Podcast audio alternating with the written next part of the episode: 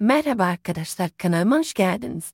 Takip etmeyi, abone olmayı unutmayın lütfen. Keyifli dinlemeler.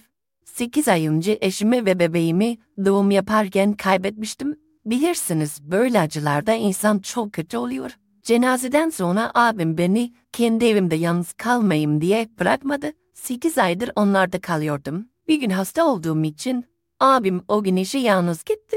Bana da sen bugün yat dinlen gelme dedi. Çocuklar da okula gitmişti. Yengem çorba yapıp getirdi. Yengem benimle çok ilgilenirdi. İlk başlarda bir aile olduğumuz için diye düşünürdüm. Oysa ki yengemin hayalleri farklıymış. Ben çorbayı içip bitirdim. Yengem de o esnada ortalıkta görünmüyordu. Sonra yengem geldi. Üzerinde kısa bayağı açık bir elbise vardı. Gelip çorba tepsisini aldı mutfağa götürdü. Galiba dışarı çıkacak diye düşündüm. Ama bu elbise ne böyle? Abim böyle giyinmesine izin vermez ki. Bunu şimdi diye düşünüyordum.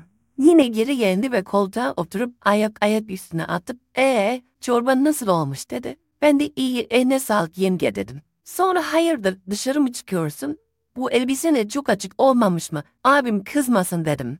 O da hayır ama keşke kızsa. O beni hiç umursamaz ki dedi. Yok ya olma öyle şey sen yanılıyorsun dedim. Sonra birden gece yatağa girip arkasını dönüp yatar. Yatakta bir kadın mı var yok mu umrunda bile değil dedi. Sonra bana ben güzel değil miyim dedi. Tabii ki güzelsin yengecim dedim. Sonra sen olsan benimle ilgilenir miydin dedi. Nasıl cevap vereceğimi bilmiyordum. Ben de insanım daha çok gencim çocukları bırakıp gideceğim dayanamıyorum dedi.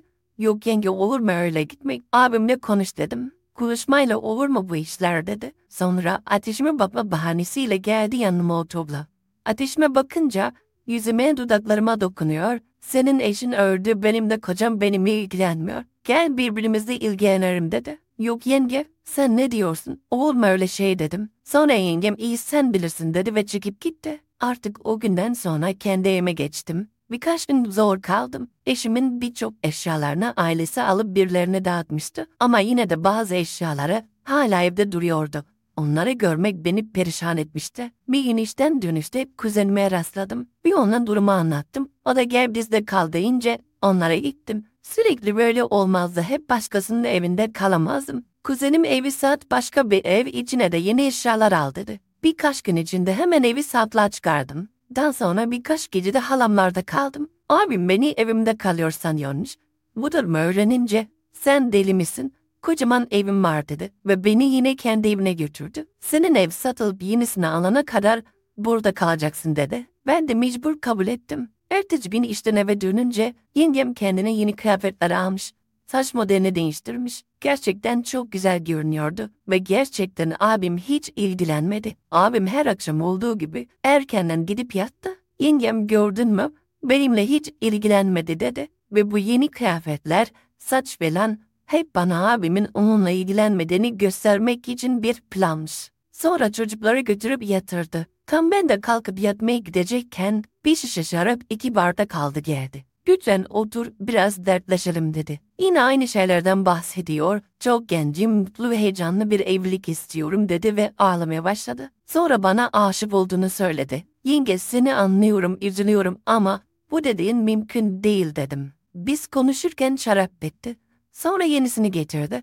Beni ikna ederek ikinci şeyi değişmemize sebep oldu. Sarhoş olmuştum. Beni kaldırıp yatağıma götürmek istedi. Hayır desem de bırakmadı. Beni yatağıma getirdikten sonra soymaya başladı ve kendi de soyundu. Ne kadar reddetsem de benimle birlikte oldu. Sabah uyandığımda geceyi hatırladım ve çok utandım. O gün abimin yüzüne bakamıyordum.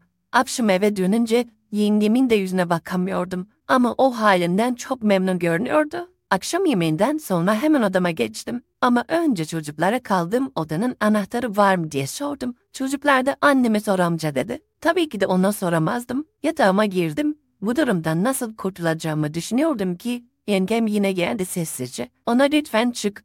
Abim duyabilir dedim. Hayır, top atsan duymaz. Geceleri hiç uyanmadan uyur dedi. Sonra yine soyunup yatağıma girdi. Çok güzeldi. Çıplak vücuduna karşı koyamıyordum. Yine birlikte olduk. Tam 9 ay boyunca artık yengem sanki benim karım olmuştu. Bunu yapıyordum ama müthiş derecede vicdan zabı çekiyor, içten iyice eriyordum. Bir gün bizim markete annemin teyzesi ve kızları geldi ve bana neredeyse iki yıl oldu. Artık evlen, bir yuva kurdular. Sonra onların tanıdığı bir kız varmış. 25 yaşında, hiç evlenmemiş. Bir tanış gör dedi annemin teyzesi. Hiç evlenmemiş genç bir kız, dul bir adamla evlenmeyi düşünüyorsa, bu kızda bir hal var diye düşündüm içimden ve hiç uğraşamam dedim. Zaten başımdaki dert beni bitiriyordu. Onlar da sen yine de bir düşün. Biz onunla bir ara uğrarız deyip gittiler. Bir hafta sonra annemin teyzesinin kızı geldi. Yanında da genç bir kız vardı. Hiç ihtimal vermiyordum ama beni tanıştırdığında bahsettikleri kişi oymuş. İsmi de Ceyda. Çok güzel, etkileyici, havalı, bakımlı bir kızdı. Benim gibi dul bir adamla evlenmeyi düşündüğüne göre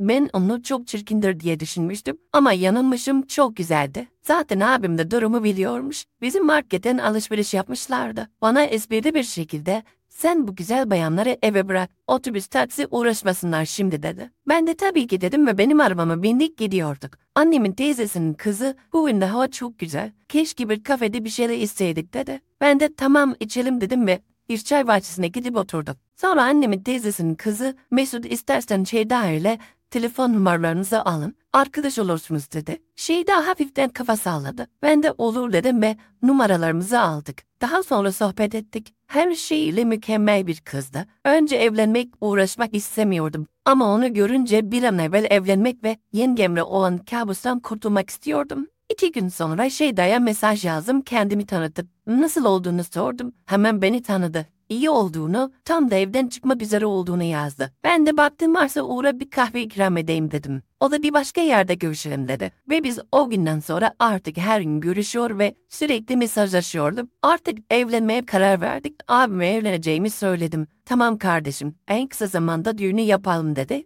Yengemi ise durumu öğrenince çok kızmıştı. Her fırsatta bana sözlü saldırılarda bulunuyor, abine söylerim intihar ederim gibi tehditler ediyordu. Ben ise evleneceğim güne kadar sabrediyordum ve onu odama asla almıyordum. Çünkü odanın anahtarını bulmuştum ve kapım hep kilitli oluyordu. Neyse, Şeyda'yı ailesinden istedikten sonra söz uzun sürmedi düğünümüzü yaptık. Bu arada evim satıldı ve yenisini almıştım. Şeyda'yı o kadar çok seviyordum ki ona hiç karışmadım. İstediği eşyalarla istediği gibi evimizi döşemişti. Bütün bunlar yaşanırken yengem Şeyda'ya o kadar soğuk ve kötü davranıyordu ki korkuyordum. Şeyda da bunun sebebini anlayamıyordu. Ama Şeyda'ya yengemi takma boşver, hiç görüşmeyiz olur biter diyordum. Abimlere hiç gitmiyordum. Abim de Şeyda gibi bu durumu yani hiç evlerine gitmişimizi anlamıyordu ama başka çare yoktu. Neyse bizim evlilik hayatımız mükemmel gidiyordu. Yine bir gün abimle markette çalışırken yengemin telefonundan 7 yaşındaki yeğenim abimi aradı ve ona annesinin onları okula götürmek için bir türlü uyanmadığını söyledi. Abim ben bir gidip bakayım eve dedi. Yarım saat sonra beni aradı ve marketi kapat gel yengen ölmüş dedi. Niye uğradığımı şaşırmıştım. Hemen eve koştum. Sağlık görevlileri ve polis vardı. Çok sayıda ilaç içmiş. Abim Şeyda'ya ara çocukları alsın dedi. Yine soğukkanlıydı. Ah be abi, keşke biraz daha duyarlı bir insan olsaydın da bütün bunlar yaşanmasaydı dedim içimden. Bu intihar olayında hem abimin hem de benim payım vardı. Ama abim çabuk atlattı. Şimdilik çocuklara yengemin ailesi bakıyor. Bana gelince iyi ki şeyden var yoksa atlatabilmem imkansızdı. Bir hikayemizin daha sonuna geldik. Yorumlarınızı bekliyoruz ve eğer beğendiyseniz abone olur ve videoyu beğenirseniz çok mutlu oluruz. Başka bir hikayede görüşmek dileğiyle hoşçakalın.